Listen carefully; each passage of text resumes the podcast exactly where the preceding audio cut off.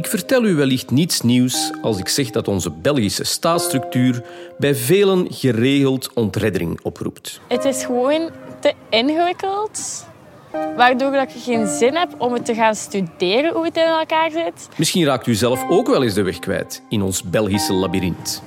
Dat geldt al helemaal voor onze zuiderburen, Zoals enkele jaren geleden bleek uit een kaartje dat getoond werd op het meest bekeken Franse televisiejournaal, dat van TF1. Bonsoir à tous, voici les titres de Daar lag Vlaanderen plots in Wallonië en Wallonië in Vlaanderen. En daarbovenop werd de taalgrens ook nog eens gevoelig verlegd. Enkele kleine nuances bleek men dus nog niet helemaal goed gevat te hebben. Of ging het hier om een subtiele suggestie over hoe we ons federalisme kunnen verbeteren met een flink staaltje out of the box denken? Misschien moeten we inderdaad alles eens totaal op zijn kop zetten.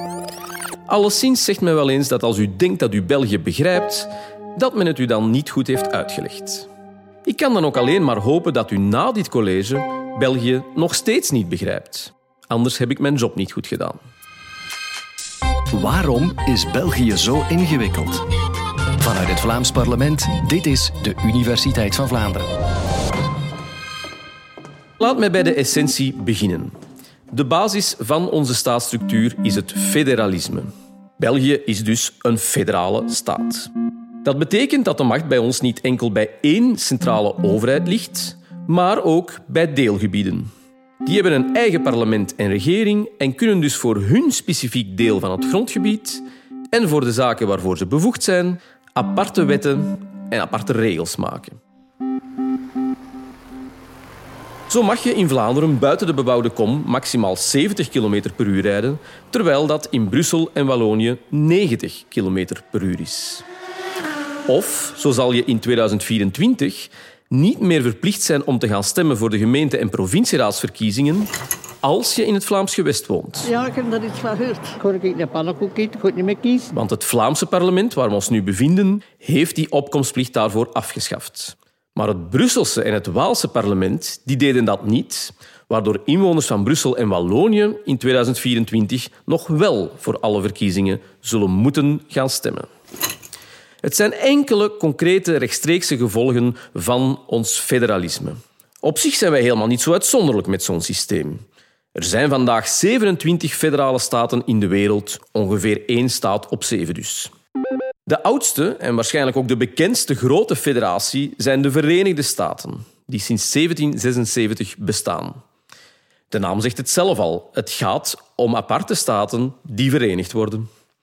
Onder meer tijdens de Amerikaanse presidentsverkiezingen zien we ook dat die staten een heel eigen dynamiek kennen. It's going to be only America first. I believe there's only one way forward as united America. En hun eigen afgevaardigden sturen voor de verkiezingen van de president. This moment is your moment. It belongs to you. De jongste federatie is dan weer Nepal. Dat is nog maar sinds 2015 een federaal land. Verder zijn er dus nog 24 andere federale staten verspreid over de verschillende continenten. Canada, Argentinië, Indië, Nigeria, Australië, Zwitserland, Duitsland en nog een aantal andere. De meeste andere staten in de wereld zijn unitaire staten, waar er dus maar één centrale regering en parlement is. Wij waren als België gedurende lange tijd ook zo'n unitaire staat. Maar vanaf 1970 zijn politici ons land gaan omvormen tot een federatie via zes opeenvolgende staatshervormingen, waarbij steeds meer bevoegdheden van België naar de deelgebieden werden overgeheveld. We hebben intussen al zes keer onze staat hervormd op zo'n 50 jaar. Meer bepaald in 1970, 1980, 1988, 1993, 2001 en 2011.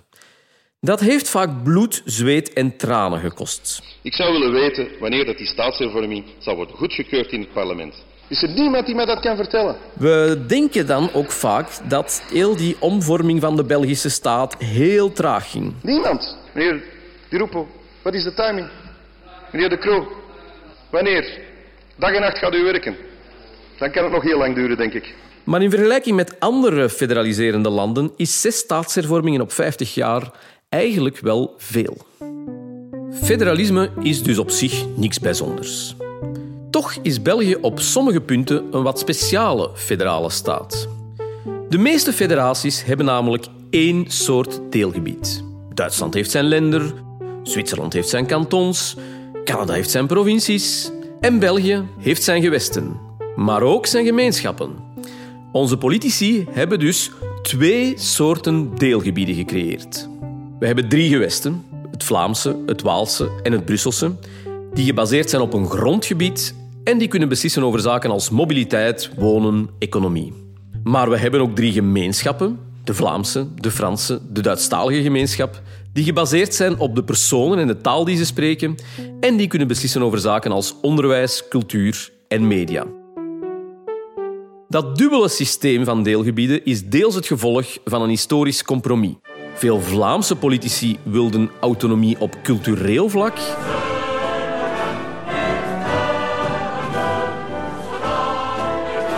Terwijl veel Waalse politici dat wilden op economisch vlak. Vandaar gemeenschappen en gewesten. Maar waar we echt wel uniek in zijn, is dat die twee soorten deelgebieden elkaar overlappen. Brussel is bijvoorbeeld een eigen gewest, dat dus zelf kan beslissen over mobiliteit voor alle Brusselaars. Maar ook de gemeenschappen zijn in Brussel actief. Je kan dus naar scholen van de Vlaamse of van de Franse gemeenschap in Brussel. Zo besliste die Franse gemeenschap onlangs om de zomervakantie in te korten voor het onderwijs. Dat betekent dus dat in Brussel Vlaamse en Franstalige scholen een andere vakantieregeling zullen hebben. Die overlap is ook een van de zaken die ons federalisme heel complex maakt. Want de gemeenschappen hebben in Brussel ook hun eigen organen om hun bevoegdheden te beheren. Zo is er een Vlaamse gemeenschapscommissie in Brussel die bevoegd is voor de Vlaamse instellingen. En er is een Franse gemeenschapscommissie in Brussel die bevoegd is voor de Franstalige instellingen daar. Het gaat dan om scholen, bibliotheken en dergelijke meer. Omdat er echter ook instellingen zijn die nog onder de Vlaamse, nog onder de Franse gemeenschap vallen, is er ook nog een zogenaamde gemeenschappelijke gemeenschapscommissie, GGC afgekort. Daaraan heeft men bijvoorbeeld na de vorige staatshervorming, de zesde, het ontwikkelen van een eigen Brusselse kinderbijslag toevertrouwd. Drie gewesten, drie gemeenschappen en nog een federale Belgische overheid, dat maakt dus zeven. Toch telt België maar zes regeringen. Dat komt omdat de Vlaamse gemeenschap en het Vlaams gewest zijn samengevoegd onder één regering. En ook onder één parlement. Einde van de stemverrichtingen. Het Vlaamse parlement waar we ons nu bevinden stemt dus zowel decreten die gelden voor het Vlaams gewest, bijvoorbeeld over mobiliteit, als voor de Vlaamse gemeenschap, bijvoorbeeld over onderwijs. Het verschil tussen beiden is ook niet zo heel groot. Want van de dik 6 miljoen Vlamingen leven er maar zo ongeveer 100.000 in Brussel. Van de 124 Vlaamse parlementsleden moeten er dan ook steeds zes Brusselaars zijn. Die zes mogen enkel meestemmen als het over gemeenschapskwesties gaat, niet als er gewestbevoegdheden op tafel liggen. Naast dit Vlaamse parlement zijn er dus nog minstens vijf andere. Het federale, Waalse, Brusselse, Franstalige en Duitsstalige parlement. Minstens, hoorde u mij zeggen? Omdat twee van de drie gemeenschapscommissies in Brussel, voor redenen die ik u zal besparen, ook wetgevende bevoegdheid hebben gekregen. En ja, vanaf dat je wetteksten kan stemmen, ben je eigenlijk, toch volgens een strikte interpretatie, een parlement. Volgens die logica hebben we dus zes regeringen en acht parlementen in ons land.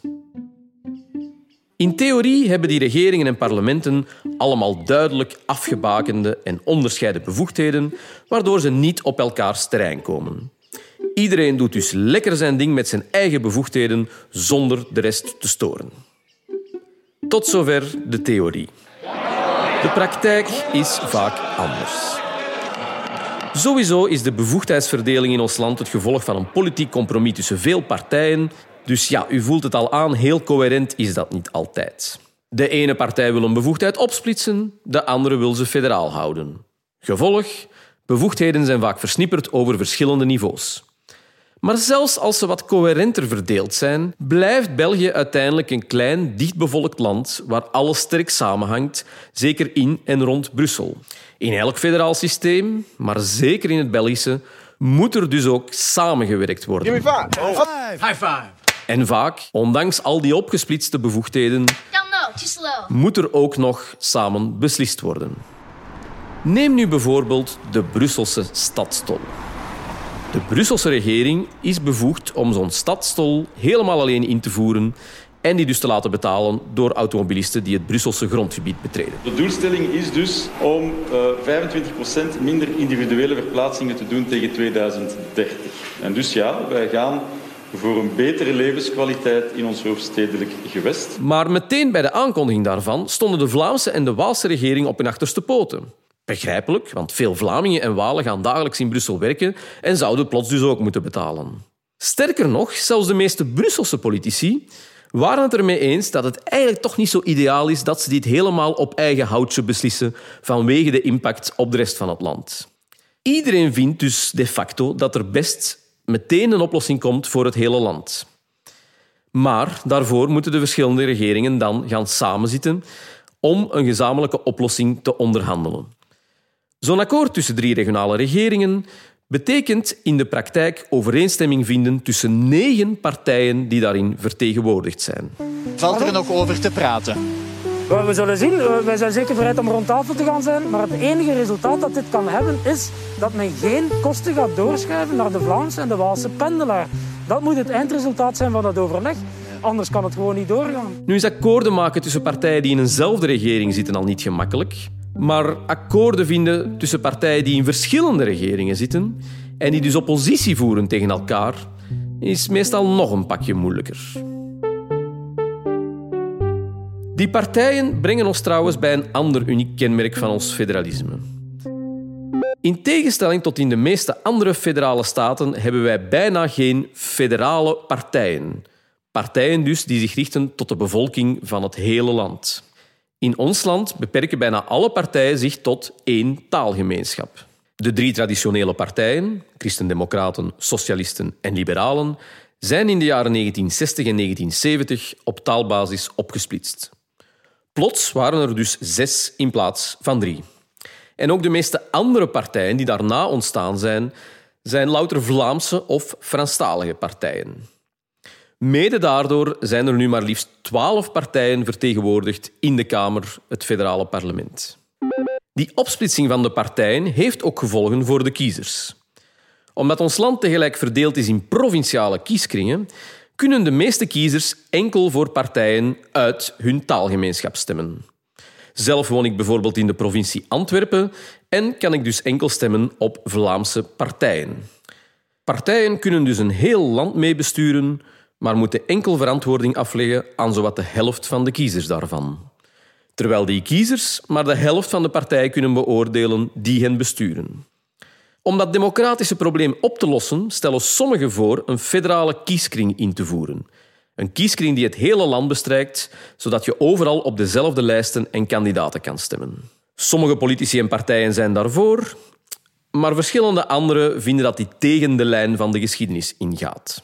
Zowel voor- als tegenstanders van een federale kieskring laten hun standpunt ook wel afhangen van de vraag die ze zich stellen bij elke kieshervorming, namelijk ga ik hier stemmen mee winnen of verliezen.